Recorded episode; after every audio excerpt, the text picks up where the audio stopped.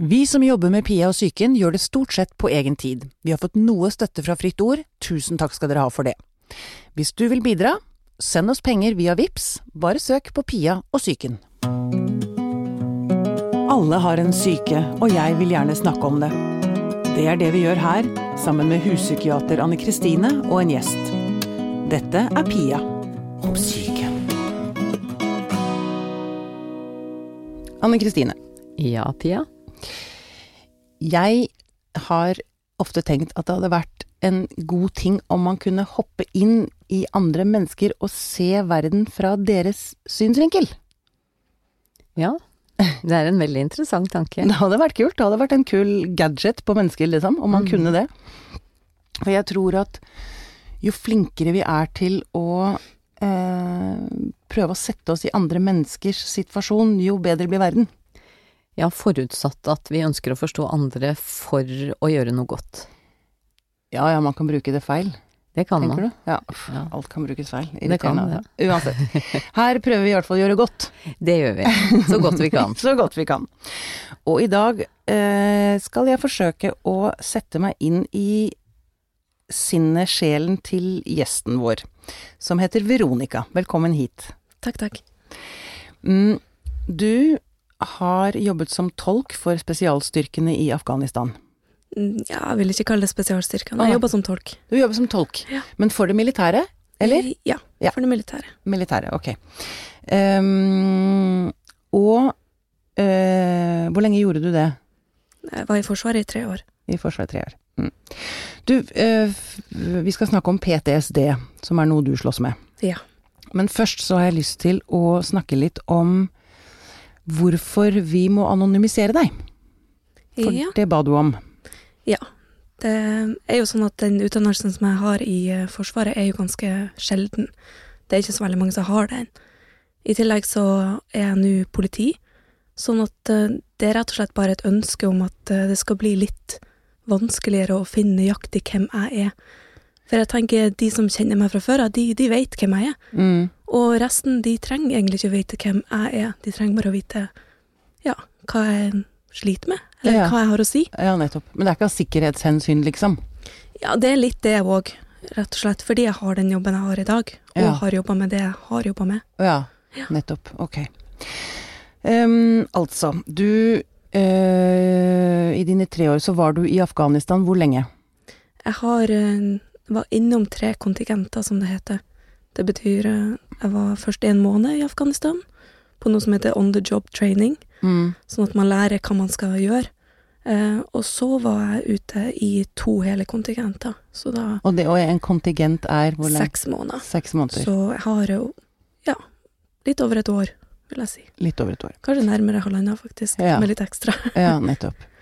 Og du jobbet da som tolk i områder hvor eh, det foregikk krigføring. Ja, altså de norske styrkene var jo ganske langt nord i Afghanistan, i Faryab-provinsen. Um, og der um, var det tidvis ganske tøft. Ja. Ja. ja. Um, em, når du sier ganske tøft, kan du beskrive situasjoner? Eller én situasjon? Bare for å igjen, for jeg forsøke å sette meg, i hva du, sette meg inn i hva du har opplevd, hva du har vært gjennom. Så når jeg var ute, så var det eh, Trusselnivået var ganske høyt, og vi mista ganske mange soldater, i hvert fall i mine øyne, fordi jeg kjente de fleste av dem. Um, Du mistet venner, rett og slett. Ja, Mm. venner, og, og veldig gode venner. Mm. Um, men jeg vet ikke helt hva jeg skal si og sånne situasjoner og sånt, fordi um, jeg var en del ute av leir, og blant annet ute med amerikanerne og, og hjalp dem. Uh, men uh, det er den her trykka stemninga når, når du vet at det bare går måneder imellom hver gang du mister noen. Mm. Det er vel heller det som, som jeg sliter mest med, da. Ja. Det, jeg holdt på å si forventningen, det er feil ord, men for, for, Det blir nesten en forventning på at at, du bare går og venter på neste Ja, sjokk. fordi sånn har det vært så, så lenge nå. At ja. det går bare noen måneder imellom hver gang. ja, nettopp. Så jeg kan ikke peke på en eneste situasjon som har gjort at jeg har fått eh, PTSD, da. Eh, det har aldri vært sånn at det har regna kuler og bomber rundt meg, eller at eh, jeg blir skadd sånn fysisk skadd. Um, men det har selvfølgelig vært ganske hårete situasjoner som jeg har vært i, Mm. men aldri sånn som eh, Jeg kan bare peke på at da, ja, det var da det slo inn. Nei. Men og, og sannsynligvis et jevnt ganske høyt stressnivå. Ja, Vil jeg jeg, tror det kumulerte ganske godt hos meg.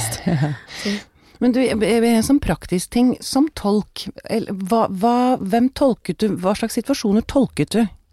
eh, Nå har det seg sånn at det er to forskjellige språk i Afghanistan. Eller det er mange, mange språk, men to offisielle. Mm. eh, Dari og pashto.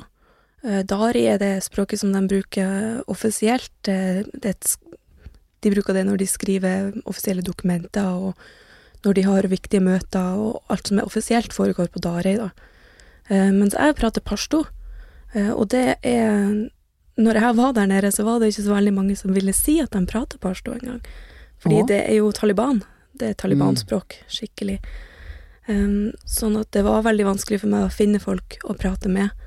For de ville helst ikke si at eh, de gjorde det, de, de prata ikke det språket.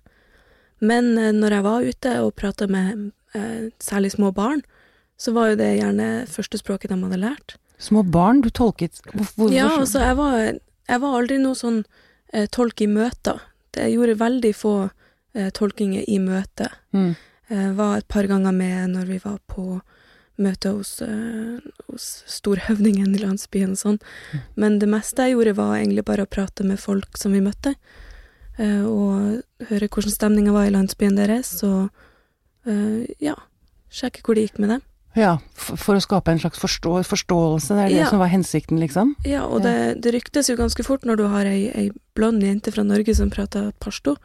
Så det, alle visste jo hvem jeg var. Mm. Og når de så meg ute, så var det gjerne å komme og prate litt. Uh, og det er jo veldig hyggelig Mm. å bli huska på den måten. Da. Ja, ja. Um, hvor lenge siden er det du kom hjem fra Afghanistan siste gang? Nå er det jo uh, straks sju år siden. Sju år siden. Mm. Mm. Og um, altså fikk diagnosen P, altså posttraumatisk stressyndrom. Ja. ja. Hvordan arter det seg? Hva, hvordan slo det ut for deg? Hos meg så satt det ganske langt inne å, å måtte innrømme det. Fordi som sagt så var det ikke noen sånne spesielle situasjoner. Du syntes ikke du fortjente det, liksom? Nei, rett og slett. Det var akkurat det jeg følte. Um, så det tok meg en godt to år før jeg innså at alle de symptomene, eller de, de tegnene som jeg hadde hatt på PTSD, de var virkelig. Det var faktisk Jeg innså det ikke før jeg satt i en time på Politihøgskolen om, eh, i psykologi om eh, PTSD og sy symptomer. Så sto det på en slide eh, kan også ha fysiske symptomer. Og jeg har jo, ikke hatt- jeg har jo gått rundt i to år og hatt så sinnssykt vondt i magen, og skjønte ikke hvorfor jeg hadde det. Prøvde var, å bytte ut alle matvarene, Ja, liksom? Ja, altså. trodde jeg hadde cøliaki, jeg trodde jeg hadde diverse, og var inn og ut av sykehus, og, og de lukta på magekreft, var det det, var det kanskje magesår? Ingenting. Og ingenting som passa. Og når jeg da så den sliden og innså at oi, det er jo akkurat det jeg har, Mm. da var det som at det var nesten som en ro som falt over meg, fordi jeg har vært så dårlig. ja. Og da tenkte jeg at eh, ok, jeg drar til legen, og så prater vi om det her, og så sier hun ja, jeg har kanskje mistenkt det ei stund, men hun hadde ikke hatt lyst til å si det, fordi jeg var så klar på at jeg sleit ikke noe syk, sånn psykisk, det var bare fysisk. Oh, ja. um, men jeg måtte jo innrømme for meg sjøl at jeg gjorde det, da. Du, har ingen, ingen psykiske symptomer i det hele tatt? Jo da, i Ja, ettertid har jeg jo, eh, jeg har jo innsett at det var en god del av dem. Ja. Jeg var eh, blant annet ganske så hissig, og fikk høre av familien min at jeg var mer enn normalt lettantennelig, Mm. sånn at jeg hadde veldig kort lunte, ja. og eh, var ganske ofte deprimert, uten at jeg egentlig kjente på at jeg, jeg var deprimert, var bare veldig trist, ja. Uh, og kjente det at eh, jeg faktisk hadde angst for første gang i livet. Det ja. å- Du var redd for Ingenting. Altså Jeg var, har jo alltid vært eh, Hatt litt sånn høydeskrekk og sånn, og kjent på en sånn uh, naturlig Det er jo ikke angst engang, men naturlig, naturlig redsel. mm. Uh, men det å kunne plutselig bare gå på gata og få skyhøy puls og, og kjenne at svetten renner av ingenting, Det har jeg aldri kjent på før. Og det, det kom da etter Afghanistan. Akkurat. Sånn, eh, sånn generell veldig aktiv angst. Ja, skjønner. Du, Anne eh, Kristine, er det vanlig eh, jeg holdt på å si, som, som Veronica sier her, at man føler at man ikke fortjener diagnosen? At man ikke har opplevd nok sterke ting, liksom?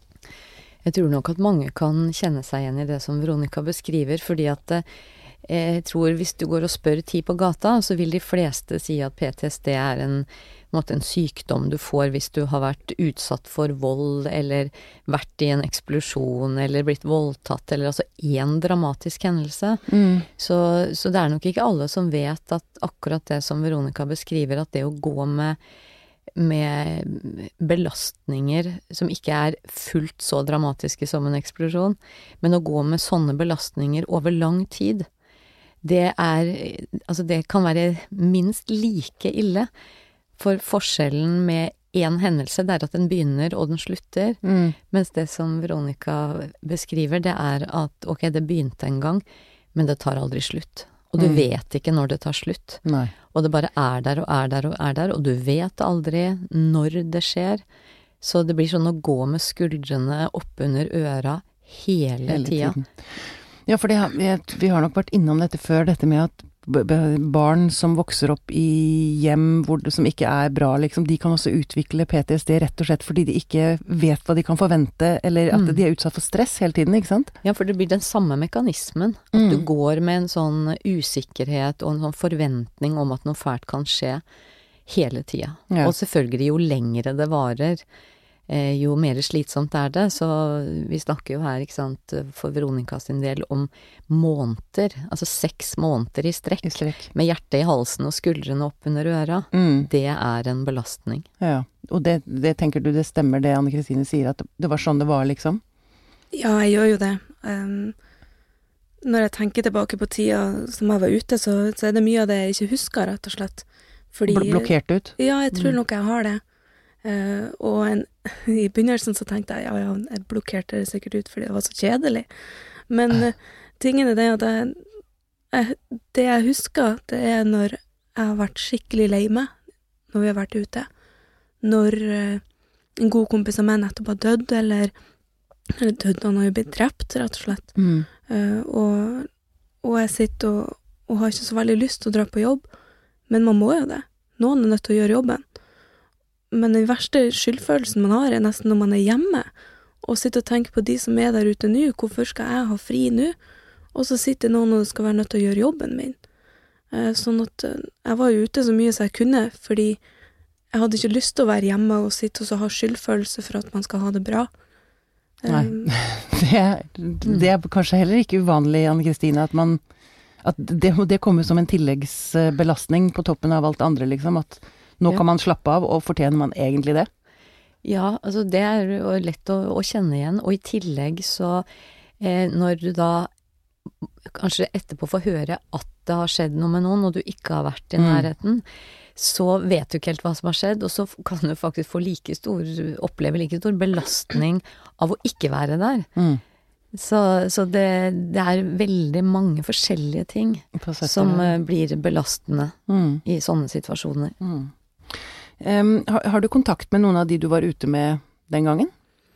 Eh, Det er noen jeg har kontakt med, og som, eh, som jeg prater med iblant, men eh, generelt så har jeg faktisk mista kontakt med veldig mange. Ja. Og jeg tror kanskje jeg har gjort det bevisst, fordi jeg var så dårlig, og jeg ville ikke at noen skulle se at jeg var så dårlig. Mm. Sånn at Ja, er- Føler du en eller annen skam over at du har reagert? jeg gjorde det ganske lenge. Gjorde du det? Det? For det, det har jeg også lyst til å snakke litt om, for det tenker jeg også er kjempeviktig. Igjen som en tilleggsbelastning, at man skammer seg fordi man har reagert menneskelig. Ja, det er jo akkurat det, eh, men det jeg tenker i hvert fall for min del, grunnen til at jeg føler den skammen, er at man er jo selektert, og man er trena på å, å gjøre det man gjør ute. Mm. og være i en sånn belastning. Sånn at man da, når man da kommer hjem og reagerer på det, så føles det ut som man har, man har tapt, eller man har gjort noe feil. Ja. Eller man var rett og slett ikke sterk nok til å gjøre det, da. Eh, Men Men er man, jeg å si, man må jo være en maskin hvis man skal gå gjennom det der uten å reagere. Er dere ikke enig i det? Altså, Jeg tror det er viktig å understreke at ikke sant, vi er forskjellige. Vi er veldig forskjellige, vi mennesker, og det er veldig bra. Eh, ingen er vaksinert eh, mot å få belastningsskader. Men så vet man jo også selvfølgelig at det er noen eh, risikofaktorer på forhånd som kan gjøre at man er litt mer sårbar for å utvikle det, mens andre ting vet man ikke om på forhånd. Mm. Og så er det også hvordan det er mens man er under stress, hvordan man blir ivaretatt etterpå. Eksempel det med støtte fra nettverk og sånne ting kan eh, være veldig viktig for å forebygge. Mm. Altså etter at det har skjedd, men før det blir en sykdom ut av det. Og, og det er jo noen av de utfordringene som jobbes med nå. Det er hvordan, altså hvordan skal man ta vare på de nye veteranene for å forsøke da å i hvert fall begrense at dette skal bli så, så vondt og så Mm. plagsomt. Mm. Fordi at det er, det er jo noe man kan gjøre, men, men altså det går ikke an å si at eh, man utvikler PTSD eller andre belastningsskader fordi man er svak. Altså det har ikke noe med det å gjøre. Nei, jeg tenker svak altså. Jeg skjønner ikke hvordan man, kunne, man kan unngå å, å reagere når man merker Altså når nære venner dør igjen og igjen og igjen, eller altså om altså, En og en venn forsvinner, liksom. Altså hvordan det ikke skal kunne gå inn på et menneske, det forstår jeg ikke. Nei, men jeg har bare lyst til å si noe der òg, fordi at av en eller annen grunn som vi jo ikke veit hvorfor, så er det noen som måtte klarer å leve med det. Uten å bli syke av det, og vi må ikke mistenkeliggjøre dem. Nei. For ikke sant, når du Nei, sier det du sier nå, sier du jeg skjønner ikke Ja, sier du jeg skjønner ikke at det går an, og da det, Er det det er sånn mellom linjene så er det sånn du er en maskin, du er ikke empatisk og alt Man klarer kanskje å skyve det vekk eller noe, da er det det man har en evne til? Altså man har eh, type mestringsmekanismer, og man, Ja. man er den man er, og dette har jo, det har med så mange ting å gjøre, men det viktigste er å ikke sortere det i styrke og svakhet, men å sortere det i at vi er forskjellige. Ja. Noen kan jo komme seg gjennom eh, mange kontingenter og mange utenlandsopphold uten å utvikle PTSD, eh, mens eh, noen utvikler det, og vi, vi vet ikke hvorfor noen gjør det og noen ikke gjør det. Og det er jo som eh, vi, i hvert fall Veronica og jeg har snakka om før, at det er klart man får ikke god psykisk helse av å være i krig. Nei. Sånn at det, det er klart at det, man drar jo ikke ut i krigen for å, å få god psykisk helse, man drar for å gjøre en jobb for landet sitt. Mm. Eh, så det handler jo mye om hva man kan gjøre både før og underveis og etter for å gjøre den belastningen så liten som mulig. Ja. Og også det å være med på å redusere at det er et tabu, redusere den skamfølelsen. Mm. Og så jobbe for å, å leve med det som har skjedd. Mm. Både bli bedre, men også noen lever jo med det i mange år. Og det å ta høyde for at sånn, sånn blir det for noen. Mm. Um, Veronica, hvordan ble du tatt imot da du kom hjem? Det var eh, ganske spesielt, eh, fordi eh, jeg jobba som eh, Jeg var utlånt som tolk da, så jeg dro jo ut egentlig alene. Jeg dro ikke ut med noe avdeling. Mm. Eh, Sånn at eh, jeg var utlånt til avdeling, som da måtte dra ut, og var ute i seks måneder. Sånn at når jeg kom hjem, så eh, Siste gangen når jeg kom hjem, så viste det seg at jeg hadde bare to uker igjen av kontrakten min med Forsvaret. Og ei uke av de så var jeg på et eller annet kurs på Setermoen, og, og, og that's it. Etter det så var jeg bare ferdig med Forsvaret.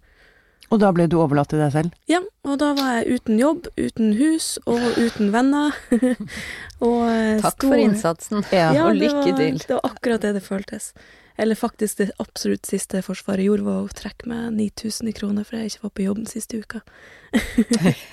Godt, det. Fordi ja, men, eh, de trodde, jeg trodde jeg hadde ferie i uke, og de sa nei, det stemte ikke. Nei. Så eh, det var det absolutt siste. Det var det absolutt siste som skjedde. Det, er du sint for det? Et litt det. ledende spørsmål, kanskje, men Jeg var, jeg var veldig sint på Forsvaret en stund, og tenkte at eh, herregud, er det mulig å behandle noen så ille? Eh, Men eh, nå når jeg har vokst litt på det og kommet forbi de verste humpene, så innser jeg jo at hvem er Forsvaret? Er det én person jeg er sint på? Nei, det er jo, det er jo nesten en mekanisme, eller en, en, en et system. Ja, det er et system. Mm. Og er det noe vits i å være sint på systemet? Det er jo ikke det. Da må du heller gjøre noe med det. Ja. Så jeg jobber jo veldig hardt for at uh, nye veteraner nå skal få det bedre. ja. Ja. Akkurat du jobber aktivt med det i dag, ja? Ja. Mm, så bra. For jeg vil Jeg håper at hvis det sitter noen i Forsvarets ledelse og hører på dette, at de skjønner at sånn går det ikke an å behandle folk som har vært ute og gjort en jobb for landet sitt. Seriøst. Jeg håpa jo at eh, jeg var unntaket, men det har jo vist seg opp gjennom årene at eh, det, det er et bruk og kaste nesten syndrom i Forsvaret når det gjelder folk som har spesielle eh, utdannelser. Eh, sånn at når Forsvaret ikke lenger har bruk for deg, så, så har du ikke noe å komme tilbake til. Kontrakten er gått ut, og ja, greit, får du klare deg sjøl. Og det er veldig farlig når eh, det er folk som har vært igjennom traumer, rett og slett. Mm. Og da bare bli kasta ut og, og skal måtte ta vare på seg sjøl. Og klart, du har jo mulighet til å ringe og be om hjelp og sånn, men den sitter såpass langt inne når du da bare har blitt skjøvet ut i kulda. Mm. Og så vet vi, og det har vi jo snakka om i podkasten mange ganger, at eh, det med å ha si, psykiske helseutfordringer er jo et tabu i samfunnet generelt. Mm. Og så vet vi jo noe om det at i litt sånne, hva skal vi si, machokulturer som både Forsvaret Altså Forsvaret er et godt eksempel på det, så kan det jo være enda vanskeligere. Fordi man har, eh, har ikke hatt på en måte en kultur for at man snakker om psykisk helse. Så det er jo noe av det som vi jobber for nå, at det skal være mulig å snakke om det. Mm. Eh, og en ekstra utfordring er jo at hvis du snakker om det, og har lyst til å fortsette en karriere i Forsvaret, hvor lurt er det å snakke Å om snakke det da? om det, nei, Fordi at hvis, altså vil, vil man da sende folk ut i krig igjen som har PTSD? Mm. Så det er, mange, det er mange krevende spørsmål her som må diskuteres. Men Mm. det høres, det høres eh, for meg helt eh, vanvittig ut, eh, det du beskriver. Bruk og kast-mentaliteten. Altså, for det første er det grotesk gjort mot de som blir utsatt for det. Men jeg tenker også rent sånn altså bedriftsøkonomisk for å rekruttere nye. Det er jo ikke Hvis dette kommer ut, og det gjør det jo nå. Skjønner jeg Ja, mener? altså, det, det er jo ikke noe nytt. Eh, De aller fleste som har vært borte i Forsvaret i en eller annen form, vet at det, det blir litt sånn. Fordi de eh, Det er akkurat som de, de produserer mer eh, kunnskap enn de har behov for. Sånn Mm. at det er alltid nye folk som har, må ha plikthår, og alltid nye folk som er, får lov å prøve seg, da. Mm, Eh, Og da er det alltid noen til overs. mm. Sånn at eh, man, man kan være så sint eh, eller så oppgitt som man bare vil, men eh, det er bare sånn det er når det er snakk om så sinnssykt mange mennesker i en ja, bedrift. Ja, ikke sant. Um, men du, um, Veronica, jeg lurer på en ting. Du valgte da å utdanne deg til politi. Ja. Mm. For meg så er det litt sånn uforståelig. Jeg tenker at når man har opplevd det du har, eh, og slåss med PTSD, så jeg, jeg tenker at jeg liksom ville vurdert en gartnerutdannelse, liksom. Ja, det var jo det jeg, tenkte litt først, at eh, jeg har mest lyst til bare å stikke til skogs og gjemme meg der. Mm. Eh, men det hjelper jo ingen. Eh, og når jeg Jeg begynte jo på, på Politihøgskolen egentlig før jeg innså at jeg hadde PTSD. Ja. Og det Jeg veit ikke helt om jeg hadde gjort det i dag, men det ble sånn. Mm. Og når etter hvert eh, jeg fikk diagnosen og var nødt til å finne ut hva jeg, hva jeg skal gjøre nå Jeg går jo på Politihøgskolen. Kommer det til å bli verre, eller kommer jeg til å klare meg nå? Og det tok jo lang tid, men heldigvis så er man jo bare på skolen. Man, jeg satt på skolebenken, jeg gjorde eksamener, jeg jobba hardt for å, å klare meg bra på skolen. Mm. Eh, og det gikk jo utover det, det private, da, at jeg var helt, helt utslått når jeg kom hjem. Mm. Men det var greit, fordi jeg trengte ikke å gjøre noe når jeg kom hjem. Kunne hjemme da, og kunne Mm. skrike litt og være skikkelig deppa. Ja, og det er kanskje lurt når man slåss med, altså uansett hva man slåss med av, av psykiske greier, eh, at man har noe å gå mot. Altså at man har et mål, eller at Mm. man har noe konkret å holde på med. Ja, det tror jeg. Jeg er helt, jeg er helt enig i det, fordi det kan godt hende at jeg hadde vært eh, mye, mye verre i dag hvis jeg ikke hadde hatt det målet, Mm. og visste at eh, alt kommer til å gå bra hvis jeg bare klarer neste eksamen, hvis jeg bare klarer den og den sosiale sammenkomsten. Mm. Sånn at jeg fikk nesten øvd meg litt, eh, sakte, men sikkert. Ja. Og så tenker jeg en annen ting, og det er at jeg, jeg tror det er veldig bra for samfunnet vårt at vi har politikonstabler, politifolk, som har eh, Som ikke er så macho, skjønner du hva jeg mener? At man har politi... Hva heter det?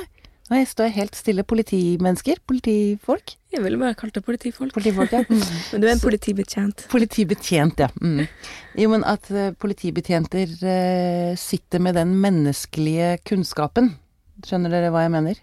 Er dere enig? Det er klart det er kjempeviktig, og jeg tenker jo at det som vi har snakka om her nå, viser jo også det at eh, veteraner er en ressurs. Og det er jo noe av det som vi virkelig ønsker å få fram. Det er jo det at eh, når folk har opplevd det de har opplevd, så Mm. har de en kunnskap og en erfaring som da kan bli til veldig stor grad av klokskap. Og man kan bruke da i, i viktige yrker for samfunnet, og man har mye å bidra med. Mm. Sånn at det er viktig å ikke, ikke lage veterangruppa som noen sånn stakkarslige sytepaver som mm. sitter og har masse symptomer, men de er en ressurs for samfunnet. Ikke sant? Men de trenger noe. Ja, de trenger mye. Mm. Um, eller ja, um, de fortjener mye. Eh, um, kjenner du på det, Veronica, at du, at du er, holdt på å si, blitt mer sensitiv for andre også? Er, er det jeg si, som, en, som en positiv side ved PTSD-en, at man blir mer var? Blir man det? Ja, altså Jeg tror en av mine største styrker er at jeg nå eh, er veldig flink til å gjenkjenne angst i andre personer, Ja. eh, og se når de er nervøse. Og, og når man har kjent på den følelsen sjøl, så vet man også litt sånn hvordan man kan hjelpe andre. Eh, Men eh, bare det å kunne gjenkjenne det er en kjemperessurs for meg sjøl, da, iallfall. Når man er ute og, og møter på noen som ser ut som de er gale, eksempel, og man innser at ok, den personen her er jo ikke gal. Det er bare det at hun er skikk... Hun har et kjempeangstanfall akkurat nå, Ja. og ser ikke verden rundt seg. Um, I tillegg så Med PTSD-en så har jeg måttet lære meg mye nytt om meg sjøl, da. Uh, og en av fordelene er jo at jeg, jeg gjenkjenner stressymptom hos meg sjøl veldig lett. Mm. Sånn at uh, hvis det skjer noe uforventa eller sånt, så, så har jeg kontroll på meg sjøl. Fordi mm. jeg har vært igjennom det så mange ganger at uh, det skal utrolig mye til for å faktisk stresse meg i en sånn situasjon ja. Det er litt annerledes med sånn kumulativt stress som eh, eh, ja, generelt jobb og lite penger og sånne ting. Mm. Det kan jeg reagere godt på. Men, ja, det kjenner jeg igjen. Ja. Men Mm. eh, ellers så, så syns jeg sjøl iallfall at jeg har vokst mye på det, og jeg, jeg tror det har gjort meg en bedre politibetjent ja. å kunne ha vært igjennom det. Men eh, man må jo nesten være igjennom det, og så bli kjent med sitt nye sjøl, før man kan i det hele tatt eh, ja, være en skikkelig funksjon eh, En skikkelig person i samfunnet, da. ja. Syns jeg sjøl, i hvert fall. mm. Men du, du er ferdigutdannet nå? Ja. ja. Og du har begynt å jobbe som politi? Ja da, jeg har gjort det noen år allerede. Gjort det noen år allerede. Trives du? Jeg stortrives, det Ja. gjør jeg virkelig. Ja. Sånn at uh, det er ingenting som holder meg igjen i det, det å ha diagnosen PTSD. Det setter ikke noen begrensninger for meg nå. Uh, og det, det syns jeg er veldig viktig at Forsvaret skulle ha innsett.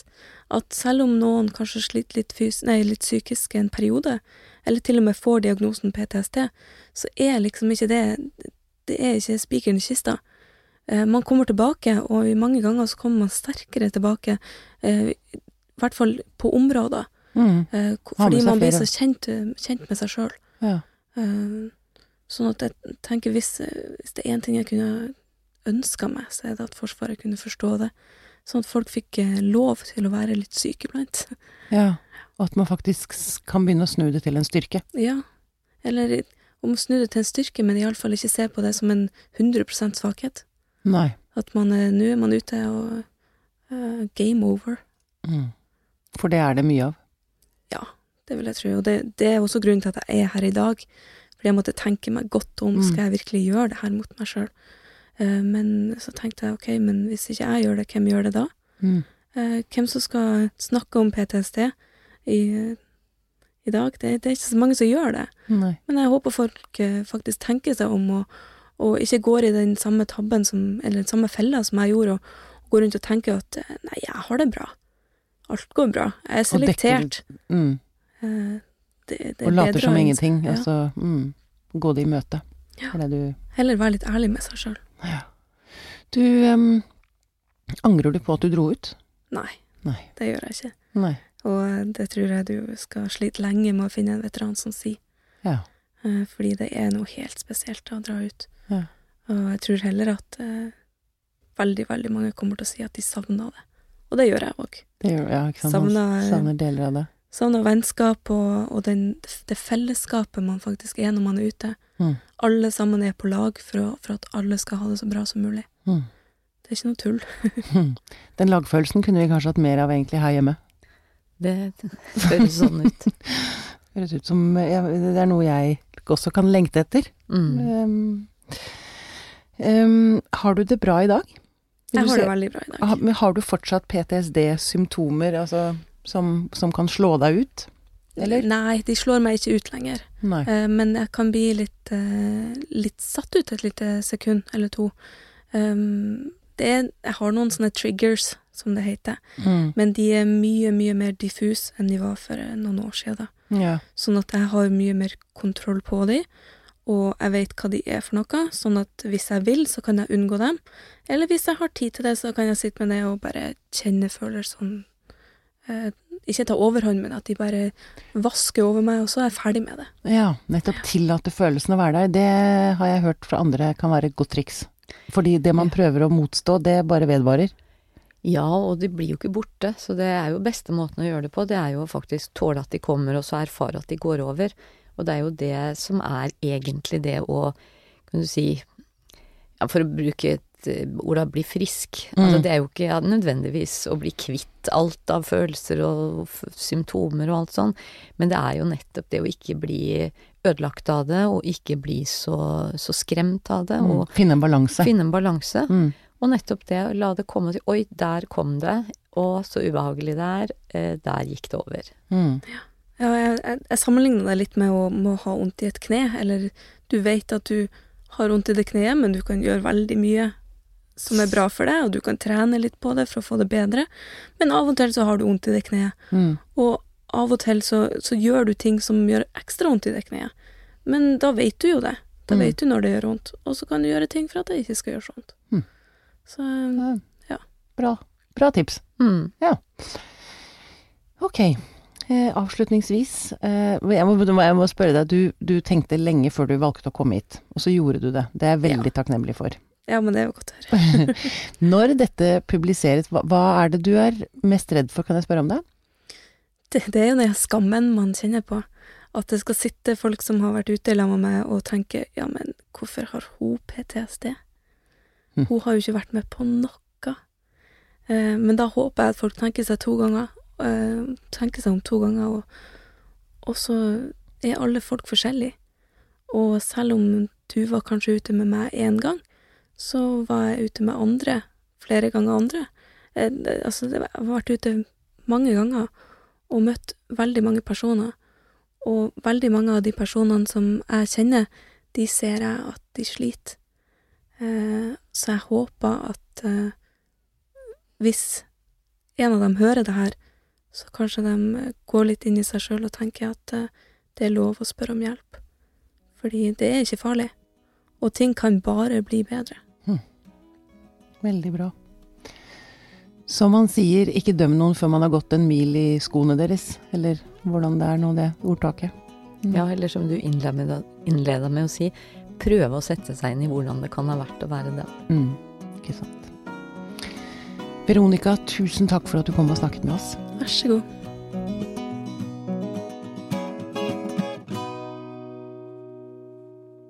Denne podkasten er produsert av Tid og Lyst.